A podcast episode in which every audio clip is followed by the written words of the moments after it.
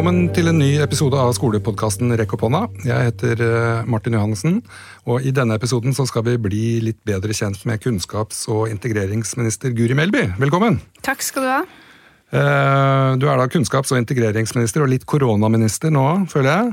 Ja, det har blitt det. Du har mye, mye fokus på det. Ja. Og det blei du da Trine Skei Grande trakk seg rett før skolene stengte i mars. Og da satt vi faktisk her og hadde en avtale med Trine Skei Grande torsdag 12. mars. Nei, er det sant? Ja, det som visste hun, ikke hun måtte si nei til, da, for hun ja. hadde trukket seg som leder og alt. Så det er veldig gøy at du kom eh, nå. Men du har også vært eh, medlem av Venstres eh, sentralstyre siden 2010. Og så har du en master i norsk fra NTNU. Mm. Det må vi snakke litt om litt seinere, for det, det Den handler om dialektbruken i TV-programmet Team Antonsen. Ja, Ja. Det er ikke åpenbart for en kunnskapsminister å ha skrevet masteroppgave om det. Jo, eh, nå er det det. Ja. Så nå er, vil jeg tenke at det vil være et krav til fremtidige Ja, ministre. Eh, Men bare sånn, eh, Og så har du jobba som lærer på Høgskolen i Sør-Trøndelag, og så har du vært høyskolelektor på Høgskolen i Oslo og Akershus, som nå er Oslo OsloMet. Så da lurer jeg på helt aller først, hvordan var du som lærer? Altså, Først så jobba jeg jo ett år eh, som da ordentlig lærer på videregående Ja. i Trondheim. Eh, og jeg må si at det, det var et ganske tøft år, syns jeg. Eh, det å komme som nyutdanna og begynne å jobbe som lærer på en videregående skole. Og en videregående skole som kanskje ikke var blant eh, Trondheims mest populære, så det var ganske mange sånn demotiverte elever der. Det syns jeg var veldig tøft. Eh, så den sommeren etter det første året så var jeg egentlig litt sånn Åh, orker jeg egentlig å gjøre det her? Det her syns jeg var skikkelig vanskelig. Men så fikk jeg en mulighet til å jobbe på lærerutdanninga. da, Så tenkte jeg det, det hadde vært morsomt å prøve det. Synes jeg var veldig gøy. Så jeg tror jo hadde jeg jobba litt lenger som lærer, så tror jeg nok jeg hadde kommet over den kneika og faktisk syntes det var veldig gøy. Og da hadde jeg nok også kunnet blitt en god lærer, tror jeg. Ja. jeg tror ikke jeg var kjempegod det første året. Jeg tror ikke det er så veldig mange som er kjempegode det første Nei. året. Jeg har bare jobba mest på barneskolen. Eh, Jeg har jobba på ungdomstrinnet òg, for så vidt, men eh, mest på barne, Men jeg tror, hvis jeg skulle begynt å jobbe som lærer nå, så mm. tror jeg kanskje at jeg kunne ønske at jeg kunne begynt å jobbe på barneskolen. For Ja. Da jeg jobba på lærerutdanning, så jobba jeg mest med begynneropplæring da, og opplæring for første til sjuende trinn. Og jeg syns det er utrolig spennende med den der første innlæringa. Alt fra det å lære seg bokstaver og unger som knekker lesekoden og alt det her. Og de er jo også så fantastisk motivert for læring. Det skjer Ja. du jo med små barn. De er jo så åpne for læring. Og det å greie å da videreutvikle og dyrke det i stedet for å liksom ødelegge det. Ja, det er akkurat det. eh, Jeg synes virker det var- som en veldig meningsfull oppgave. Jeg syns det var både veldig sånn givende og veldig skummelt å være den som skulle lære de faktisk å lese. da. Ja. Skrive, regne, tenke, løse problemer. Ja. Og så fant jeg ut at det var skikkelig skikkelig gøy. Ja, Så, ikke sant? ja, Og så gikk det vel en sånn ca. fem år, da var jeg skikkelig sliten. Okay. Helt sånn bøttekott-sliten. Mm. Jeg liksom sov ikke, eller tenkte skole hele tida. Mm. Det har jeg blitt mye bedre på. da. Men er ikke noe, altså jeg tror kanskje det som Jeg har erfart, jeg har jo da ikke undervist i småtrinnet sjøl, men jeg har jo vært på veldig mye observasjon og sånn, da, blant annet. Og den der intensiteten som en eh, barneskolelærer opplever med å egentlig være inne i klasserommet sammen med elevene hele tida, det slipper du jo på både videregående og på en høyskole. ikke sant? Absolutt. Den virker jo veldig tøff, altså. Den er tøff, Ja. eh, og de som jobber der, er skikkelig tøffe. og det har vi jo skjønt eh, nå mer enn noen gang. Ja. Men du må fortelle litt om den masteroppgaven din nå, som om dialektbruken i Team Antonsen. Ja, du, vet du, det startet jo sånn Jeg studerte jo da nordisk på NTNU, og det er jo språk og litteratur, eh, som jeg syns var veldig gøy. Og så har alltid vært litt sånn opptatt av dialekter, men så tenkte jeg det å dra til ei bygd og skrive om hvordan dialekten der har endra seg, det synes jeg hørtes litt sånn traurig ut. Det har mange gjort før meg. Så jeg var litt ute etter å finne på noe nytt, da, noe litt sånn spennende. Og det å se på hvordan man da bruker språket for å skape identitet og for å skape humor, det synes jeg er veldig morsomt. For det er jo det som er grunnen til at språk er artig, er jo at det sier noe om oss. Det er ikke bare Vi bruker ikke språk bare for å kommunisere, vi bruker det også for å uttrykke noen ting. da. Og det var egentlig det jeg hadde lyst til å undersøke, og hvordan ulike dialekter bidrar til å uttrykke noen ting. Men hva fant du ut? Uttrykk, hva uttrykte en uh, rogalending, f.eks.?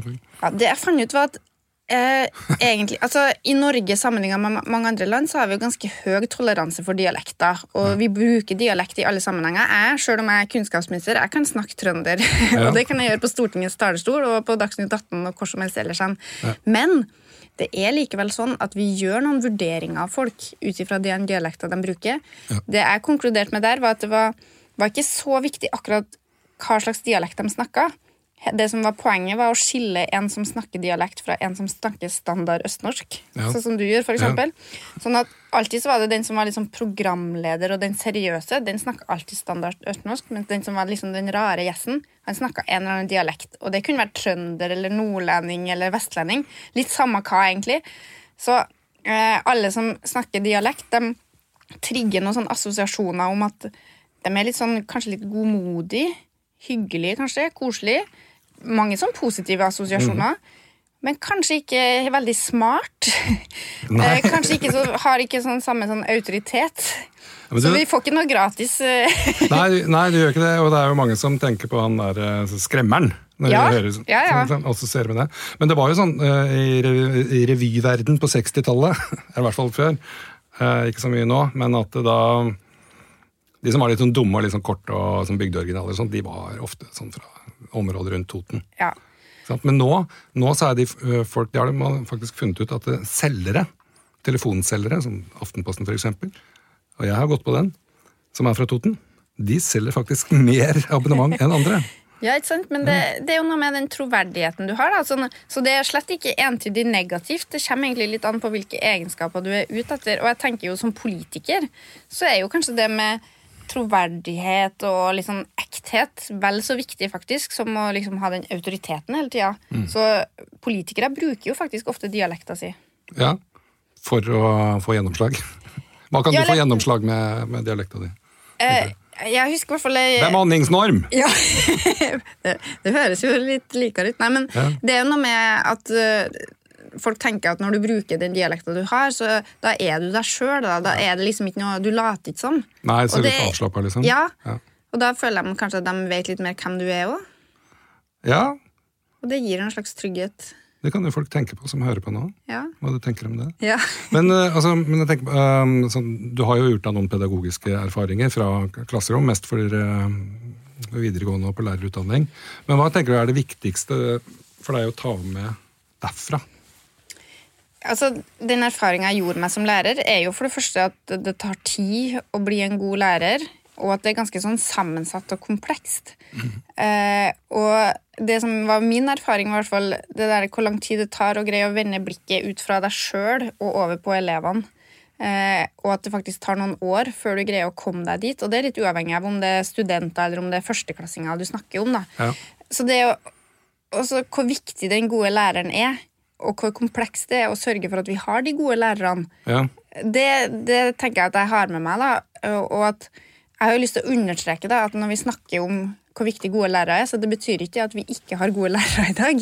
Nei. Men det er på en måte en kontinuerlig oppgave da, å sørge for at vi både får skaffa nye, dyktige folk som har lyst til å bli lærere, at vi greier å holde på de gode lærerne, og at alle får utvikle seg, sjøl om de er Ja. gode i utgangspunktet. Men nå i dag, eh, 24. april, åtte måneder før julaften, så kom jo tallene på uh, søknader til uh, eller universitetet, da, høyere utdanning, og de hadde gått opp. Mens uh, de som søkte seg på grunnskolelærerutdanninga, det hadde gått ned. Hva, hva skjer? Vet du, Skulle ikke det gå opp? Ja, vet du, det der syns jeg faktisk er veldig rart. Og vi må jo grave litt mer i de tallene, for det, det er egentlig litt overraskende, tenker jeg. For det har gått opp egentlig hvert år de siste årene. Eh, og det som er fint, er at det har ikke bare vært flere som har søkt seg inn i lærerutdanning, det er også flere som fullfører og består. Så det Ja. betyr også at det er de rette folkene som søker seg til lærerutdanning. Så vi har hatt en veldig positiv trend de siste årene, men nå fikk vi denne dippen i år. Og jeg syns det er vanskelig å forstå. Men det betyr jo bare at vi er nødt til å holde trøkket opp på lærerrekruttering. Og så får Ja. vi håpe at det bare er sånn ett år, da, og ikke en trend. Men det kan jo hende du har like godt svaret på det som det jeg har, da. Hvorfor Nei, altså Spør du en lærer, så vil jo en lærer alltid si lønn. Ikke sant? Ja. Altså Status henger sammen med, med lønn. Uh, og så tenker jeg jo også det nå Under denne koronakrisen så har man jo sett hvor viktige sykepleierne og helsefolka er, eh, de som jobber på eldrehjem, hvor viktige lærerne er, renholdsarbeiderne. Altså mange sånne hva skal jeg si, Lærere er jo ikke et lavtlønna yrke, det er, det er det ikke. Men de har lavere lønn enn andre på skolen. da. Og at det kanskje oppleves som urettferdig. Det tenker jeg. Ja, det kan hende. Men jeg hadde jo inntrykk av at denne situasjonen virkelig har bidratt positivt med tanke på hva folk tenker om lærere. Altså mange foreldre, Jeg har fått tilbakemelding fra så mange foreldre som sier at de har fått en helt annen respekt for læreren. Mm. når de ser, altså For det første så ser de jo den kreativiteten lærerne viser i de oppgavene som elevene får med seg hjem. Ja. De ser også hvor krevende det er å faktisk følge opp det her. Mm. Og de har sin ene eller to eller kanskje tre unger å følge opp, mens en lærer har en stor klasse. Ja, men det er akkurat det. Nesten som jeg tenker litt, er at nå ser alle hvor, hvor eh, mye jobb det er å være lærer.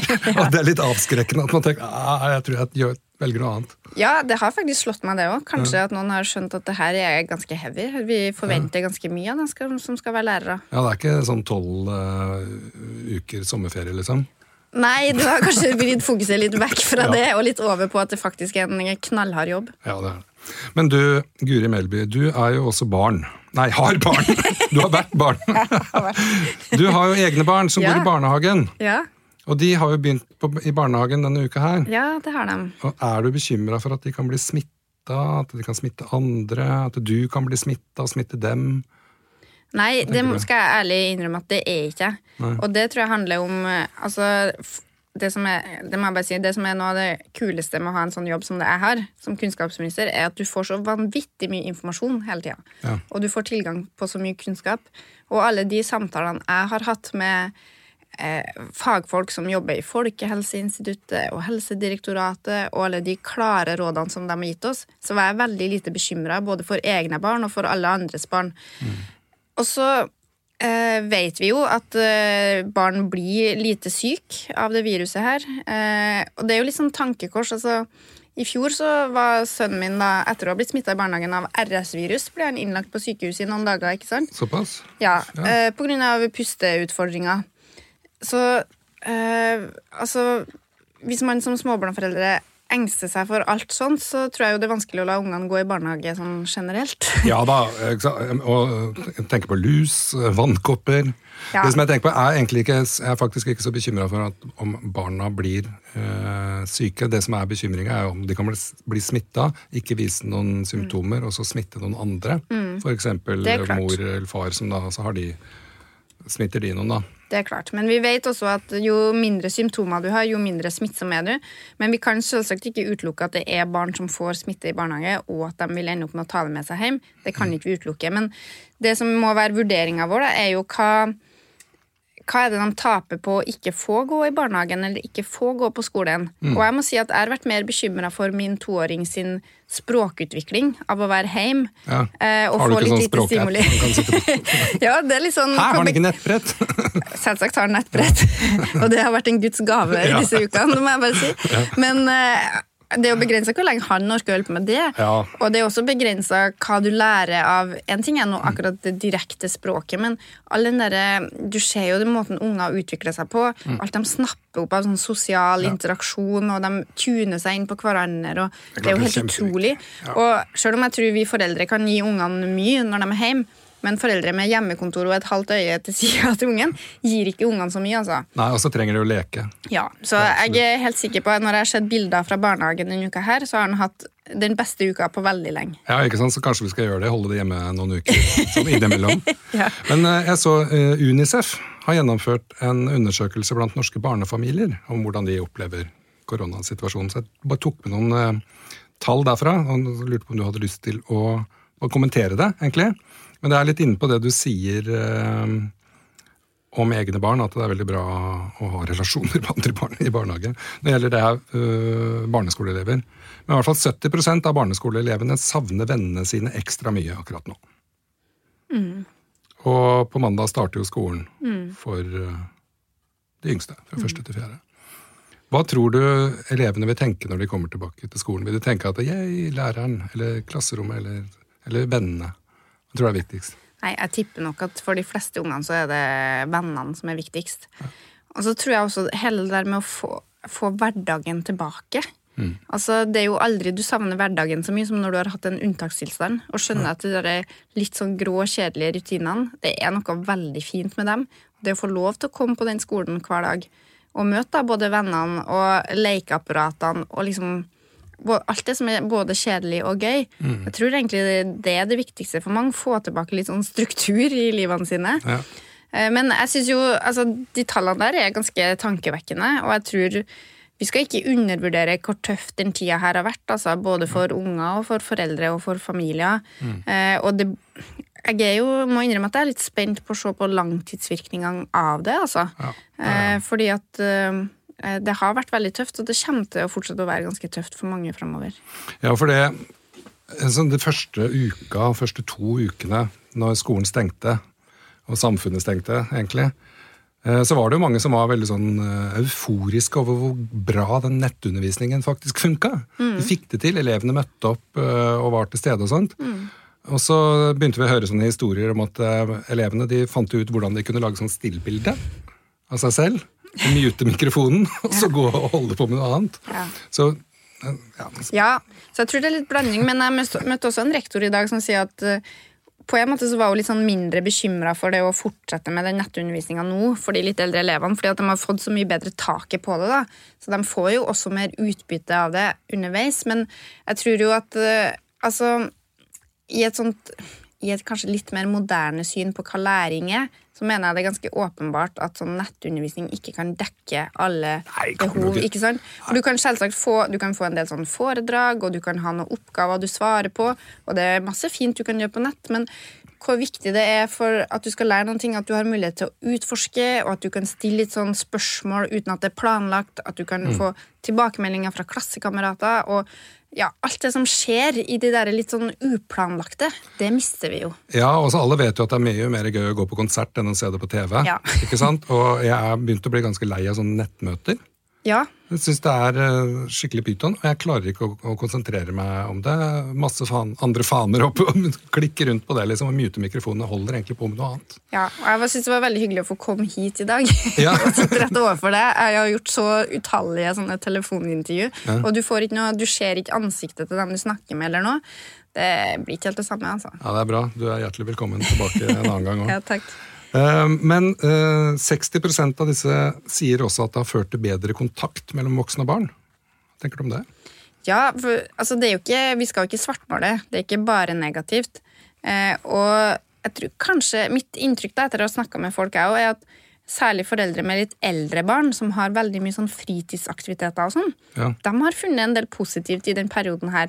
For det er liksom, det er ikke noe sånn mas. Nei. Det er ikke noe sånn at vi skal halse videre. Og Kom liksom hele ettermiddagen ja, Ja. Så bare, ja, nei, nå er vi bare her, og hva skal vi gjøre i helga? Nei, vi kan tusle bort den eh, lekeplassen der. Det er liksom ikke noe sånn utflukt eller noe. Og at det egentlig har bidratt til å liksom gi en sånn ro. Og jeg ser, Det som jeg syns har vært mest positivt med mine egne barn Jeg har jo en på to, en på fire og ei bonusdatter på åtte. Det er jo hvor utrolig godt de leker sammen. Ja.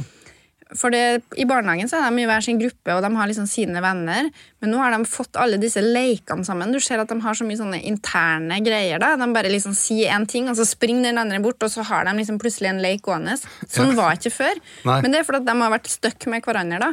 Og det er faktisk litt, Så jeg tror akkurat søsken, de søskenforholdene tror jeg også kunne ha blitt bedre i den perioden her. da. Ja, altså med litt mer karantenetid sånn eh, innimellom, i tillegg til feriene selvfølgelig. Ja, kanskje at Jeg tror jo mange av oss som er foreldre nå i dag, vi orger jo de, disse dagene veldig, både hverdag og helg. Eh, og ikke for å liksom idyllisere barndommen på 80-tallet, men det var litt mer sånn eh, Det var litt, kanskje litt mer ro, litt mer sånn opp til ungene sjøl å finne ut hva du skulle Mm. holde på med. Og litt mer sånn bare Nei, bare gå ut og se om du fant noen du kunne henge litt med. Ja.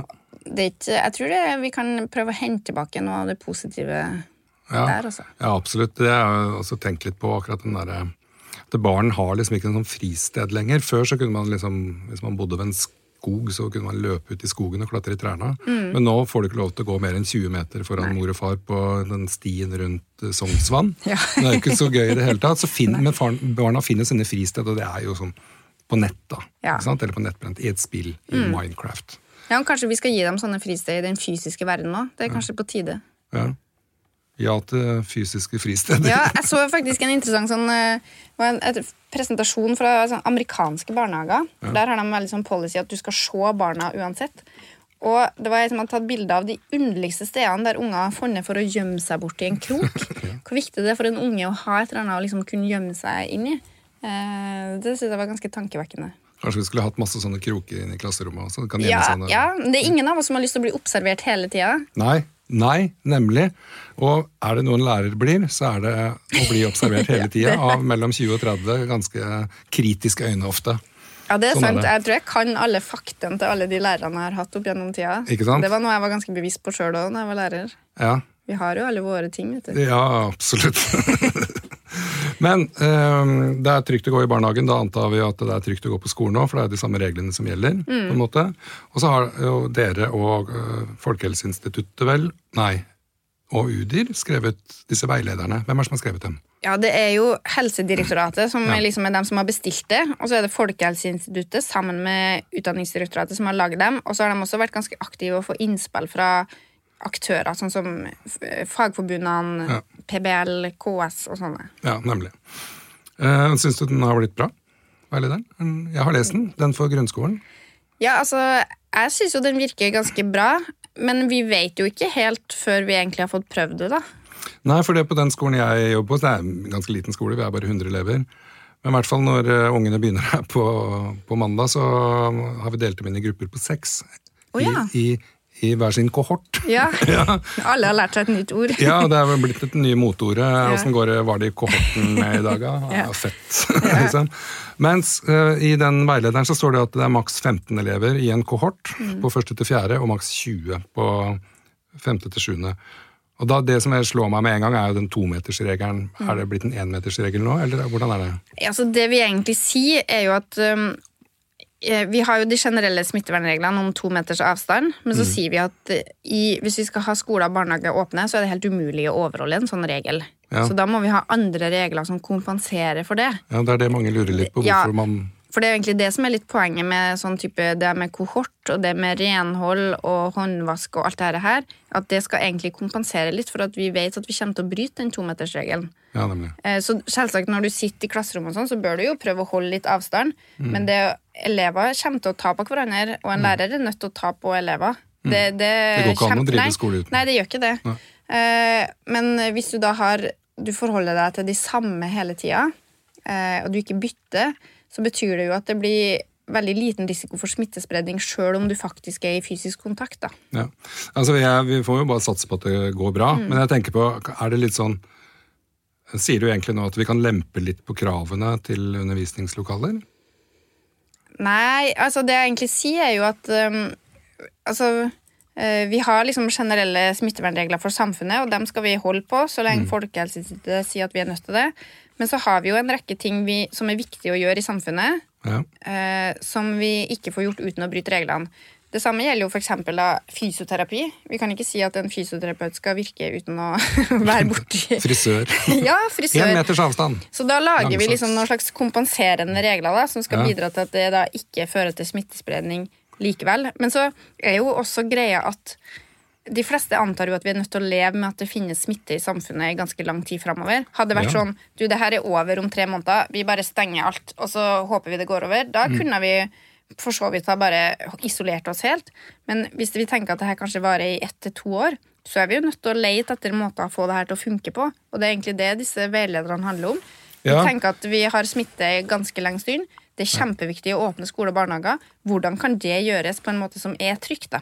Ja, og det um, Men jeg er sikker på uansett hva som hadde stått i de veilederne, så ville man vært litt misfornøyd med hva som sto der. Ja, sikkert. Uh, men, og egentlig så er det jo mer interessant å høre hva du mener om veilederen enn hva jeg mener. Nei, altså, der vi, hos oss så må vi lempe på kravene til undervisningslokaler for å få det til, for vi har ikke god nok plass. Nei.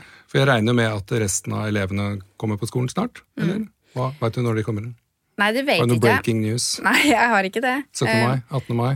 Altså Målet mitt er for så vidt at den skal komme tilbake så raskt som mulig, fordi jeg tror det er bra for alle barn. Mm. Men så kan ikke vi gjøre det før det er trygt. Og jeg tror vi må skaffe oss noen erfaringer med å ta inn de første, før vi beslutter når de andre kan komme inn. Ok, Så da regner jeg ut at det blir mandag 18. mai. Altså, det tidligste tidspunktet å ta beslutninger er jo ikke blir jo da ei uke etter at de har vært åpne, Ja. sånn i starten av mai. Og så får vi jo se da hvor lang tid vi mener vi trenger fra vi tar en sånn beslutning, til vi kan få inn resten. Ja. Og en annen ting vi må vurdere, er jo skal vi åpne på likt for absolutt alle sammen, eller skal vi åpne for større lokal variasjon? Og skal vi da åpne til et fullt tilbud der alle skal gå hver eneste dag, fulle dager? Eller skal vi åpne for mer at man kan gå noe annenhver dag, eller ja, litt mer sånne løsninger. Det driver vi og jobber med nå, så forhåpentligvis kan jeg gi litt klarere svar kanskje neste uke. ja, Det er i hvert fall mange som lurer på det. Ja, det er det, og det skjønner jeg godt. Ja. Men du, jeg eh, la ut et bilde av deg på Rekk opp hånda sin Facebook-side, og da lurte på om folk hadde noen spørsmål. Ja. Skal vi rekke et par spørsmål? Ja. Trenger ikke å svare sånn kjempelangt på dem, altså. Men den ene er, eh, handler om fagfornyelsen. Ja. Eh, blir det fagfornyelsen i august som planlagt? Ja, det er planen. Eh, altså Mitt inntrykk er at dette er en reform som egentlig er litt etterlengta i skolen. Mm. Eh, og som man er relativt godt forberedt på, på tross av at vi har hatt noen rare uker nå. Eh, så jeg ser foreløpig ingen grunn til å utsette den, hvis ikke det skjer noe helt ekstraordinært. Bra. Eh, hvorfor, nei, hva tenker ministeren om karakterer i underveisvurdering? Altså, du, nå er jo jeg både lærer og politiker. Ja. Som politiker så pleier jeg faktisk å si at eh, de faglige vurderingene syns jeg at det er fag, fagfolkene i skolen som skal gjøre. Så jeg prøver å være veldig forsiktig med å uttale meg både om lekser og om vurdering. og alt sånt. Det viktige for meg er jo at vi har gode støttesystemer for at lærerne får gjort jobben sin. At vi bidrar til en god vurderingskultur. At vi god, bidrar til leksebevisste skoler og alle disse tingene her. Eh, Så, så jeg tror egentlig Altså det har skjedd kjempemye når det gjelder vurderingskultur i norsk skole de siste 10-15 årene, så jeg tror vi er på riktig vei. Og det er mange Ja. som har skjønt at en god underveisvurdering eh, er vel så viktig som sluttvurdering for at elevene skal lære noen ting. Og at du må finne en god måte å balansere det her med tilbakemeldinger opp mot karakterer på. Ja, absolutt. For det, Forskjellen på karakterer og lekser er jo at lekser står ikke i loven, men karakterer står at du skal gi til jul og, og sommer, da, eller etter hvert semester på ungdomstrinnet. Så det er vel det han egentlig lurer på. Om man skal gjøre det. Om man skal gi karakterer. Altså, Ja. På Eller, eller om man skal ungdomsskolen- vente liksom til eksamenstid da, i tiende klasse. Ja, det er jo mange Jeg har jo besøkt flere skoler som har uh, tona ned bruk av karakterer. Mm, og på en måte. Mm. bare bruke det når de må. da Og har opplevd at det har fungert godt. Jeg synes det er veldig interessant da, at de prøver ut litt ulike måter. Ja. Altså Det meste av forskning viser jo at for mange elever så er karakterer ganske krevende. Og så er det Absolutt. Mm. noen få som blir motivert positivt av det, men det gjelder de færreste. De med femmer og sekser. Ja, de med best karakterer blir Ja, motivert ja, ja. av Og få flere gode Ja, karakterer. Så man må virkelig bruke karakterer med omhu, altså. Ja, absolutt. Um, vi begynner å nærme oss eh, slutten. Jeg vet du skal eh, ringe til P4 om ikke så lenge. Uh, men uh, ta en liten quiz. Ja, Det er bare, det er bare ett spørsmål. Ja, okay.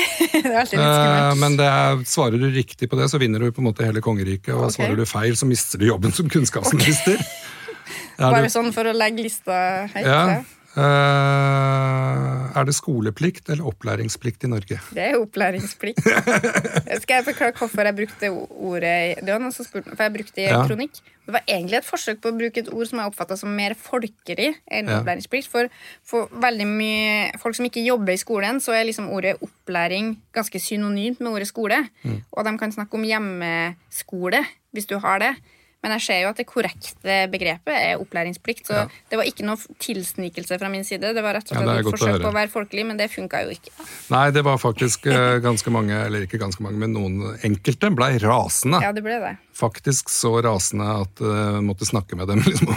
Nå må du puste med Ja. lungene, liksom. Ta det rolig. Dette kommer til å gå bra. Så det var egentlig bare ett spørsmål til, og det tenkte jeg at du også skulle svare ja på, da. Det- Eller, du kan selvfølgelig si nei, Men. Ja er jo godt svar eh, ofte. Så det er en sånn positiv drive her nå, føler jeg. Eh, Hva med å gi alle skolefolk en gullmedalje for utmerket innsats under koronakrisen, når dette er over? Ja. Ja. Så ja du, altså jeg tror det, som har vært, det har vært en ganske krevende tid å være kunnskapsminister. Ja. Men det som har vært gøy, er jo å se altså både den innsatsen og ikke minst kompetansen som finnes i norske skoler. Mm. Og det her er ikke noe jeg bare sier, altså. Det her kommer fra hjertet. Uh, så, det, jeg føler jo, så sånn sett så har jeg fått et sånn fantastisk første møte med Ja. norsk skole. Det å få, måte, få lov til å være sjef da, i hermetegn for Mm. den gjengen her, det er jo verdens beste jobb. ja, det er akkurat det det er. Så det er mange som også ville sagt at det å være lærer er verdens beste jobb. Det, ja, Men de kan jo gjøre som deg. Verdens nest beste. jobb. De kan gjøre som deg, være lærer først, og så bli kunnskapsminister. Ja, da får du eh, prøvd begge deler. Ja. Veldig kult. Yes, eh, Tusen takk for at du tok deg tid til å slå av en prat, Guri Melby. Takk for at jeg fikk komme. Og takk for at du hørte på Rekk opp hånda, og vi er straks tilbake med en ny episode.